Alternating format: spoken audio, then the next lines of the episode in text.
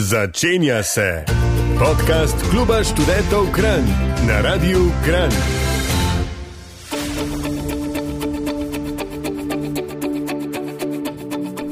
Dober večer, spoštovani lepi ljudje, dobrodošli v desetem večeru v letu 2024.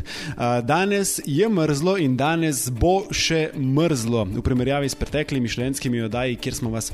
Um, se greli ob naših lepih mislih, pa bomo danes vas malo pohladili. Ja, ja, danes se namreč odpravljamo v deželo brez strupenih kač, v deželo brez krokodilov, najbolj nevarna žival v tej državi in deželi je los.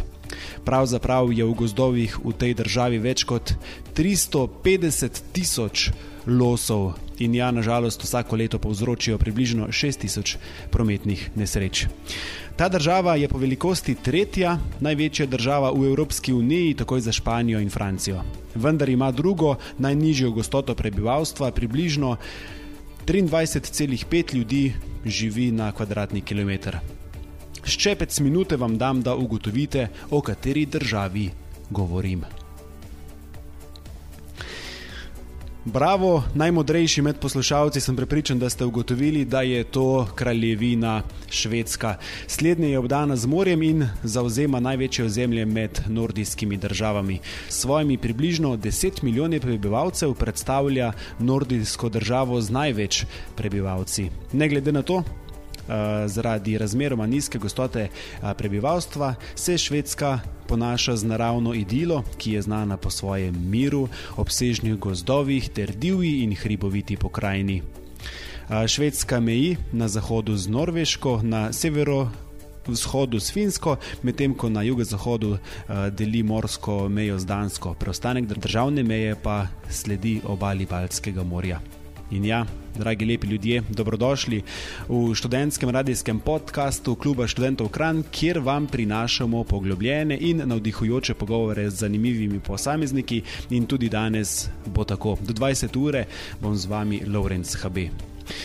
Danes torej se bomo posvetili edinstveni izkušnji mlade Elizabete iz okolice Tržiča, ki je svoje življenje obogatila z enoletnim bivanjem na švedskem. V tem čarobnem nordijskem okolju ni le odkrivala lepot narave, ampak je delala tudi kot varuška, s čimer je stkala nepozabne spomine in pridobila dragocene upoglede v švedsko kulturo. Z njo bomo raziskovali njene postolovščine, spoznavali raznolikost švedskega življenja ter se poglobili v izkušnje, ki so obogatile njeno mladost. Ostanite z nami, saj obljubljamo navdihujočo potopitev v življenje na švedskem skozi oči naše mlade gostje. Ostanite z nami.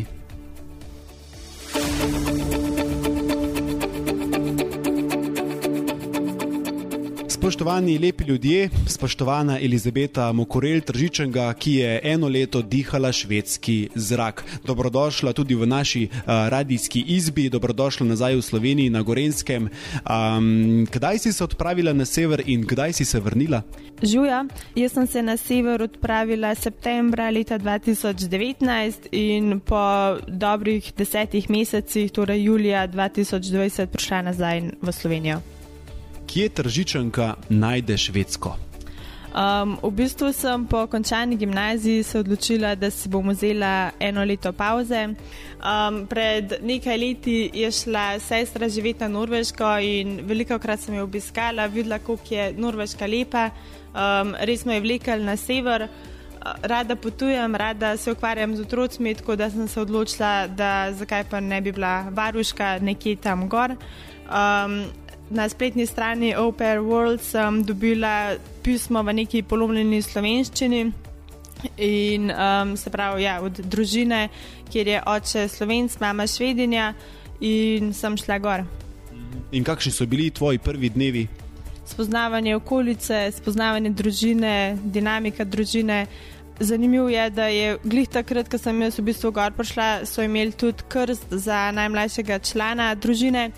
In sem imela možnost poznati tudi ostale družinske člane in pa družinske prijatelje. Um, najprej sem nekaj, kakšen mesec živela pri um, tej svoji družini, potem sem se pa v bistvu preselila v stanovanje v mesto Falkenberg, ki je 15 minut stran od njihove hiše in živela tam. In kakšni so bili uh, tvoji dnevi, kakšni so bili tvoji uh, plani? Um, ja, moj plan, se pravi, sem šla gor najprej za nekaj dni, samo v septembru, začetek septembra, tako da sem spoznala družino, da so oni spoznali mene, da smo ugotovili, da smo kompatibilni ali nismo. Sem pa šla nazaj v Slovenijo um, za nekaj dni, spakirala in se potem gor odpravila, planov nekih ni bilo um, oziroma sem vedela, da bom šla naprej študirati po tem enem letu, um, ampak ja, je bilo predvsej odprto. Ja, to je pa hudo, svobodna volja, odlično. Kako pa je vem, potekal tvoj tipičen dan? Preživela sem približno po tri ure na dan v avtu, zato ker sem vozila enega otroka v šolo, ki je tam 30-40 km oddaljena od njihove hiše. Ostalo sem pa pomagala pri kakšnih hišnih upravilih um, oziroma pri um, ja, pr otroku, karkoli, kjer so me rabili, tam sem pač bila. V bistvu si bila cel dan pri njih ali si imela kaj prostega časa? Um, ja, odvisno, se pravi velikrat sem bila kar po cele dneve, oziroma tako no, do kakšne petih, šestih, um, vikende sem imela fraj. Da, ampak tudi med vikendi sem se občasno družila z njimi, oziroma um, ker je oče te družine um, lovec, sem tudi hodila z njimi potem na jage, tako da se je kar dogajalo. Na jage, a si polo ustrelila kakšnega uh, losa? Um, ne, lusa je gor, pač se lahko strela samo v določenem um, času v letu. Tako da um, tudi streljati nisem smela glih na jagino, um, ampak ja, sem pa bila zraven, ko so ustrelili kakšno žival. Po noči ali po dnevi? Oboje. Ja, ker noči so dolge. Danes je 10. januar, noč je dolga, res uh, se vleče kot jara kača, ampak gor na švedskem je pa še daljša. Um, to je res, ampak se navadiš, se mi zdi, da tudi švedi se ne obremenjujejo, ne obremenjujejo toliko s tem, normalno funkcionirajo. Um, tako da jaz tudi pač sprejmeš, um, imaš pa pol v drugi polovici leta daljše dneve. Zaključiva prvi break s severnim sijem, si ga videla? Nisem ga videla ne na norveškem, ne na švedskem, tako da moram še malo bolj na sever. Kdaj greš? Um, na Norveško grem maja, ampak um, takrat ga tudi verjetno ne bom videla, tako da enkrat pozim spet. Želim ti, da ga vidiš čim prej, najprej pa nekaj, da poboža naša ušesa. Ostanite z nami.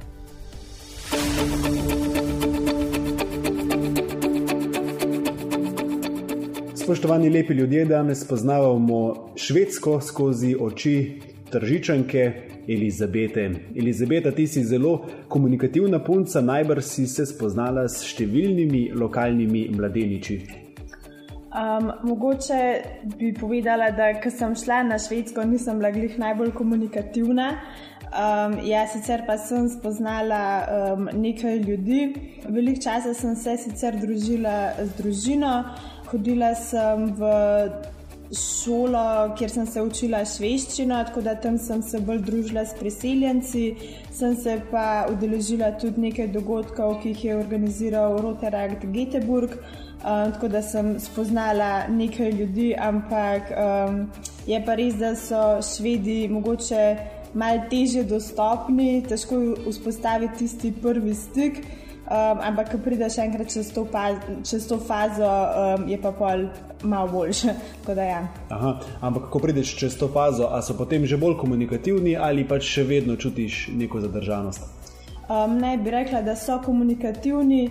Um, edina stvar, ki sem jo pa opazila, da jim mogoče um, pa ne povejo čisto točno, če jih kaj mod, raj zadržijo, zase pa malo potrpijo. Hmm. Um, ja, a nam predstaviš mogoče kakšnega človeka, s katerim si bivala? Seveda. Um, torej, Peter je slovenc, prihaja iz Bele krajine. Um, je blazen podjetnik, deloholik, um, v bistvu je bil zelo malo doma. Rad se ukvarja z jago, nekaj let nazaj je tudi um, odprl svojo lovsko trgovino in se zdaj širi po švedskem. Lota, sprav mamica v tej družini, uh, je se je mogla precej navaditi, da sem jaz prišla gor kot pomoč, ker kot sem rekla, um, res nočijo prositi za pomoč, rajš potrpijo in je zelo ustražljiva, ampak smo se precej dobro razumeli. Um, potem je Hampus, ki je bil takrat star 10 let, je hodil v šolo, z njim sem najtežje komunicirala, ker jaz nisem znala švedsko takrat, če sem šla gor, on ni znal angliški.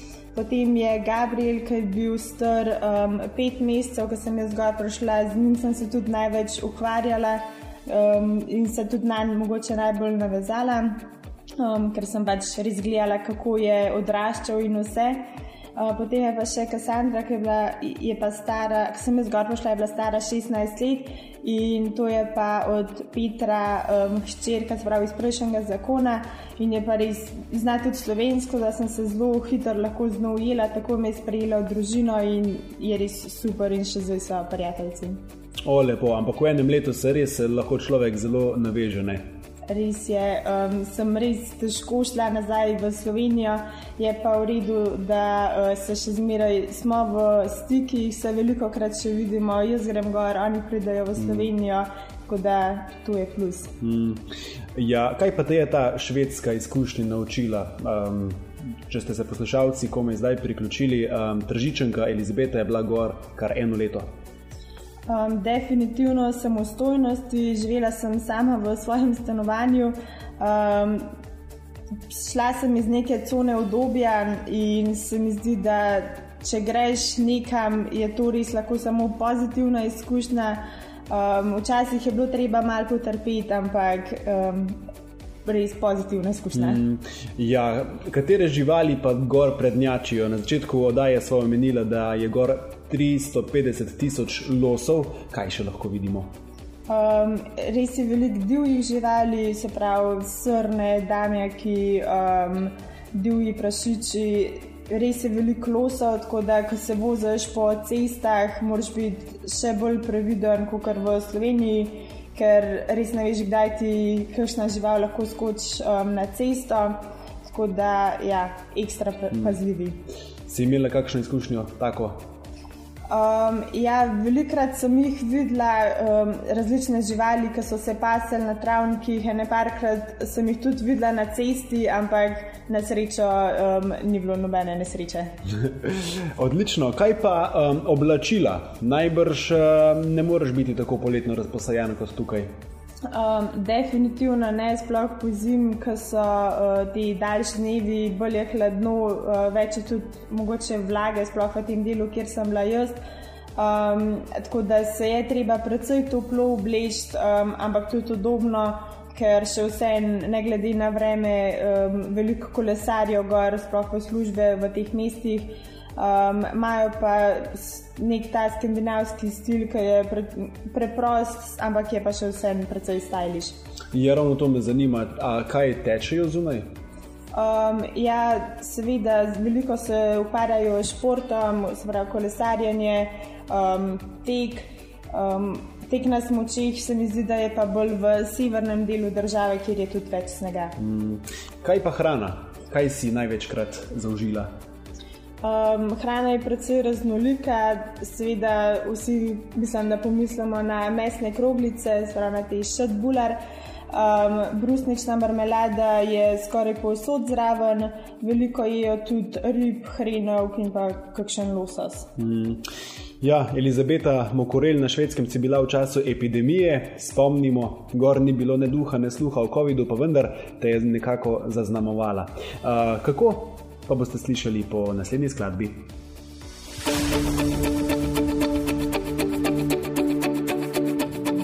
Spoštovani lepi ljudje, danes smo na švedskem, v mislih seveda na edinstveni izkušnji mlade Elizabete iz Tržiča, ki je svoje življenje obogatila z enoletnim bivanjem na švedskem. V tem čarobnem nordijskem okolju ni le odkrivala lepot narave, ampak je delala tudi kot varuška v času epidemije. Ja, influencerji so se oglašali iz Švedske, ki ni poznala ukrepov, policijske ure, mask, razkožili distance, bla, bla, bla. No, kako je bilo v resnici gor v času najstrožje karantene, um, Elizabeta, izdaj? Torej, vse je funkcioniralo precej normalno, seveda, ja, veliko se je govorilo o tem, um, ali bi se tudi Švedska zaprla. Ne. Um, niso šli v to strogo karanteno, je res, da maske v bolnicah so bile. Moram pa reči, da je še vseeno malo drugačna kultura gor, um, ker se precej bolj držijo teh priporočil.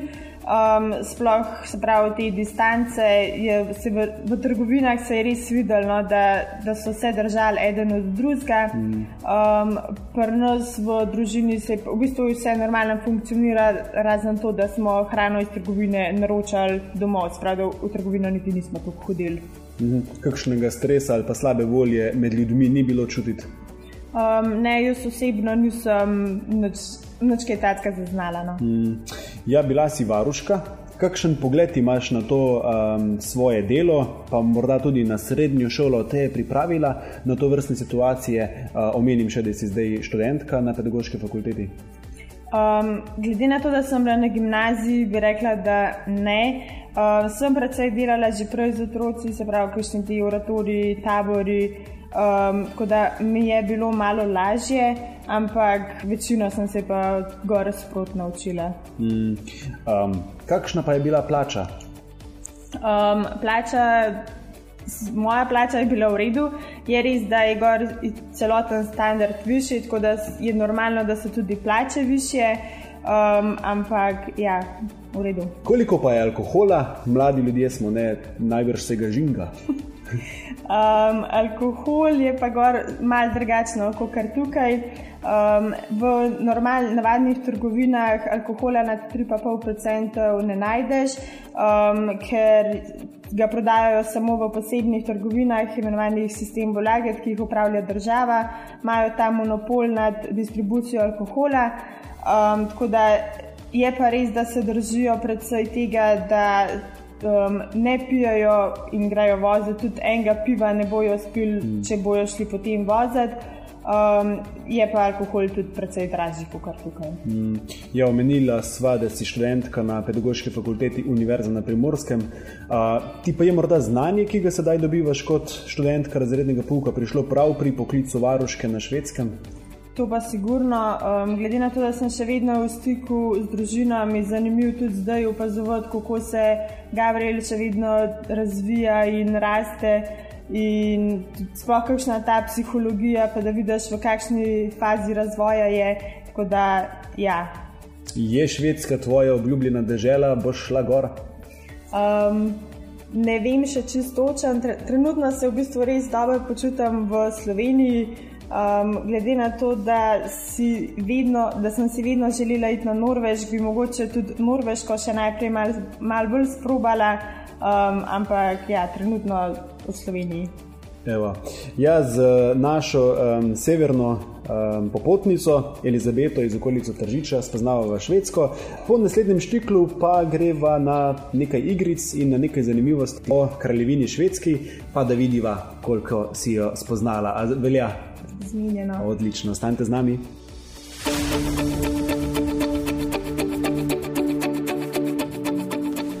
Spoštovani lepi ljudje, dobrodošli v tem čarobnem zimskem večeru, deseti večer v letu 2024. Je, upam, da ste svoje novoletne zaobljube um, spisali tako, da so uresničljive. Eh, če ste do danes že obupali, vam žal ni pomoči.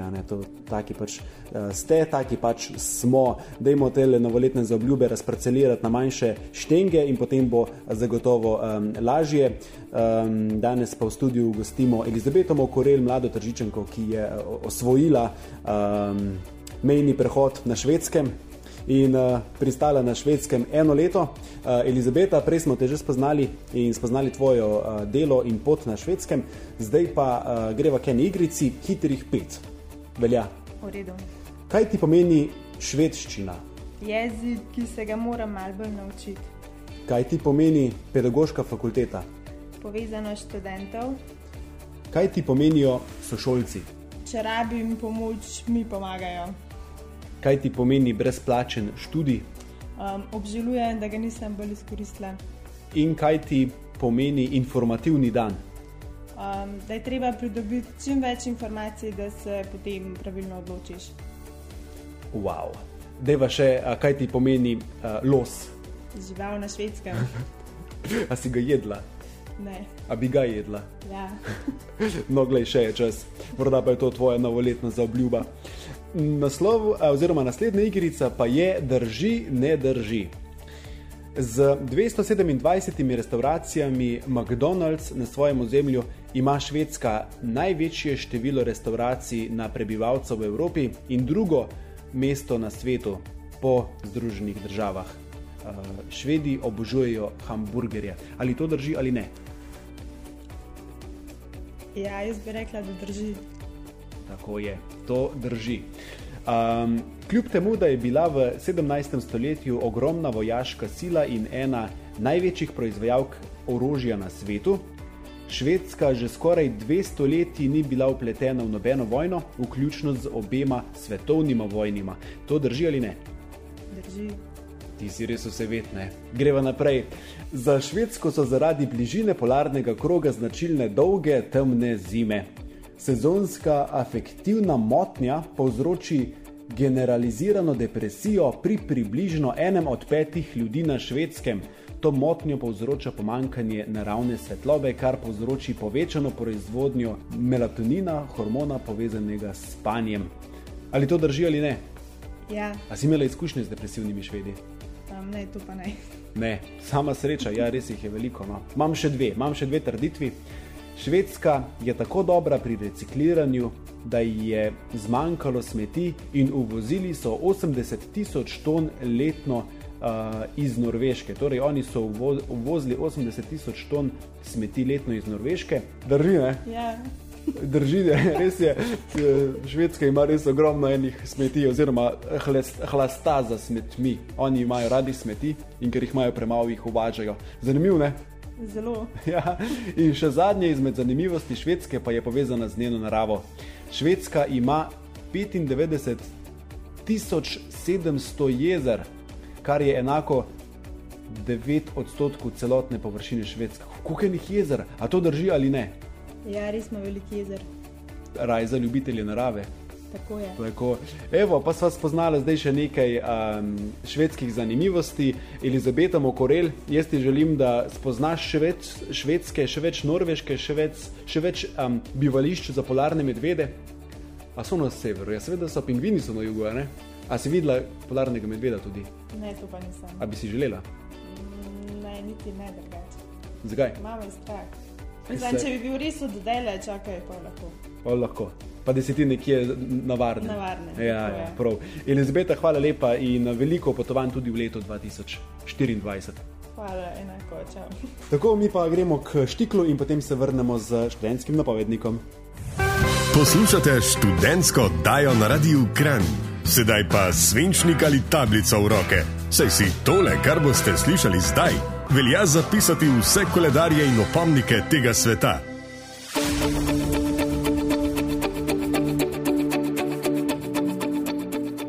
V teh dneh, dragi lepi ljudje, je zima končno potrkala na naša vrata s tistimi ta pravimi zimskimi temperaturami, sneg še vedno še čakamo.